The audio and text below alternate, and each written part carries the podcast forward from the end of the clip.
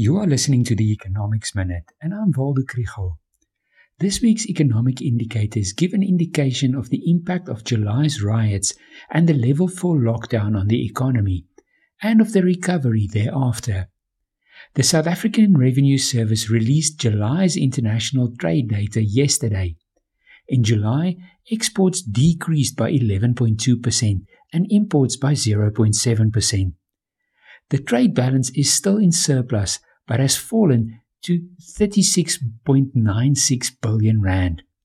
This reflects the impact that the riots and the cyber attack on Transnet had on the ports of Durban and Richards Bay. On the upside, Absa's Purchasing Managers Index for August shows that business conditions have improved again. After a sharp decline in the index from 57.4 points in June to 43.5 points in July, the index was back at 57.9 points in August. The normalization of the index was also helped by the relaxation of the lockdown restrictions from level 4 to 3.